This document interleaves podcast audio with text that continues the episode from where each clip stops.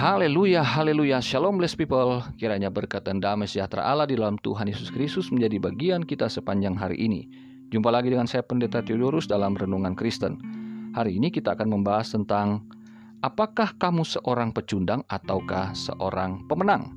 Pelajaran dari Saul dan Daud yang terambil dari 1 Samuel pasal 17 Ayat yang ke-10 dan 11 dan ayat 23 Begini firman Tuhan, pula kata orang Filistin itu, Aku menantang hari ini barisan Israel, berikanlah kepadaku seorang supaya kami berperang seorang lawan seorang.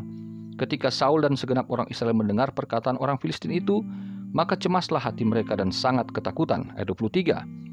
Sedang ia berbicara dengan mereka, tampillah maju pendekar itu namanya Goliat orang Filistin dari Gad, dari barisan orang Filistin.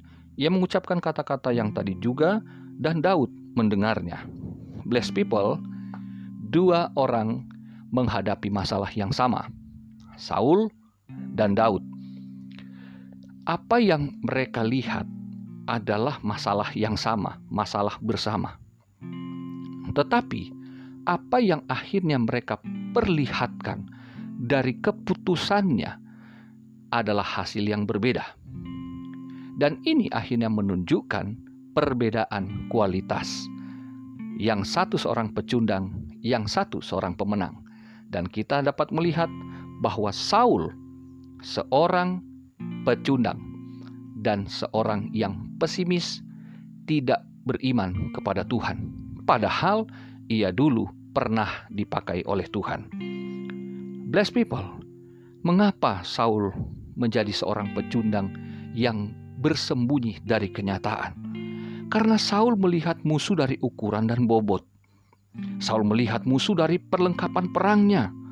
Saul membiarkan dirinya terintimidasi oleh Goliat. Saul menilai ketidakmungkinan menang.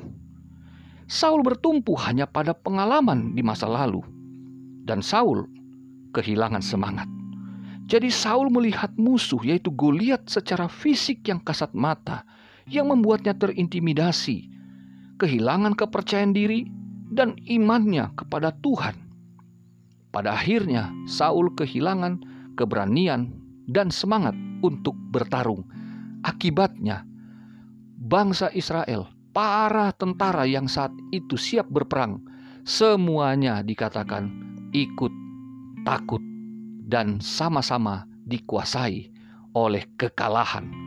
Meskipun belum bertarung, tetapi kekalahan itu telah dimulai dari dalam pikiran, dalam diri sendiri. Seorang Saul telah menunjukkannya, dan kita melihat sosok yang kedua. Inilah seorang pemenang yang kita kenal bersama yang bernama Daud. Ia pemenang yang optimis dan beriman penuh kepada Tuhan. Karena bagi Daud, satu-satunya cara untuk bebas dari masalah adalah dengan bertarung, bukan bersembunyi menghadapi situasi sekarang, kita tidak hanya bisa berdoa di rumah, tetapi kita harus melakukan sesuatu. Tentu berdasarkan dengan apa yang kita dapatkan dari Tuhan, hasil doa itu harus disikapi dengan perbuatan. Kita harus fight di dalam kehidupan ini. Seorang pemenang seperti Daud selalu melihat kemungkinan menang ketika Saul melihat tidak mungkin menang tetapi justru Daud melihat kemungkinan menang itu besar adanya.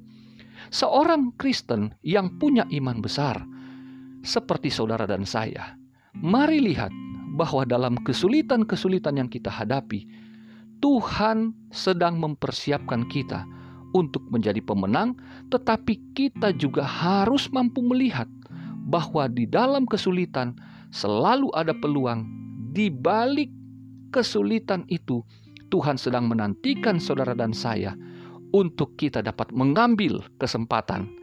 Karena sekali lagi saya ingatkan, belum tentu kesempatan itu datang kembali. Goliat hanya sekali hadir dalam cerita ini, dan kalau Daud tidak mengambil kesempatan untuk bertarung dengan dia, tentu hasil akhirnya akan berbeda ceritanya. Daud memiliki iman yang besar kepada Tuhan. Ini landasan utama kita.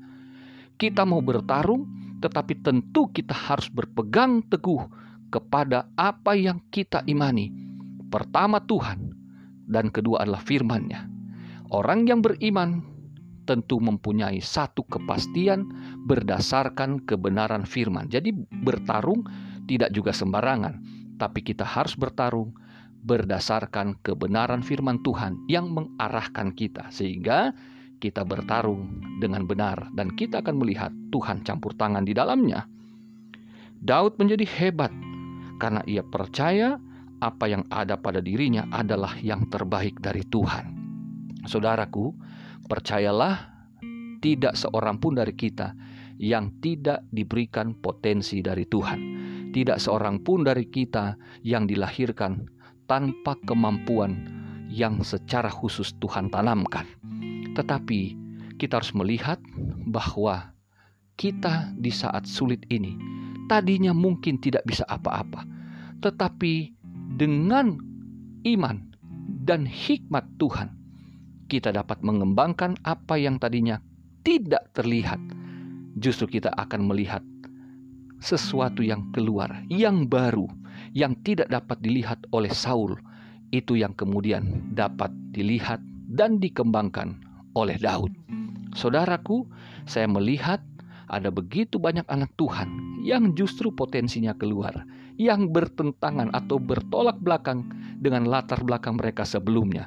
Di saat krisis pandemi, justru mereka produktif, mereka bisa berkarya, mereka bisa bekerja dengan sesuatu yang Tuhan ingatkan kepada mereka bahwa mereka punya potensi yang bisa dikembangkan. Saudara, ia seorang yang handal dan terlatih dengan baik. Sehingga Daud ini tepat guna ketika menghadapi Goliat. Jadi, bertarung itu butuh kemampuan yang khusus. Saudara punya talenta, dikembangkan, maka saudara akan berada di tempat yang tepat guna untuk menjadi pemenang. Saya percaya hari-hari ini ada banyak anak Tuhan yang Tuhan sedang singkapkan kemampuan-kemampuannya untuk berada di tempat yang tepat untuk itu saudara, latihlah terus kemampuanlah, eh, kemampuan eh, berlatihmu dan terus kembangkan apa yang saudara ingin untuk saudara kerjakan.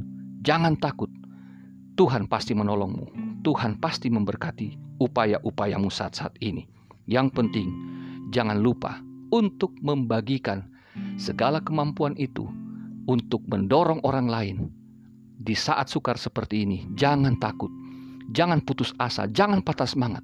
Maju, saya bisa, kamu pun bisa, karena kita punya Tuhan yang sama. Selamat beraktivitas, Tuhan Yesus mengasihimu, Tuhan Yesus memberkatimu. Haleluya, bless people.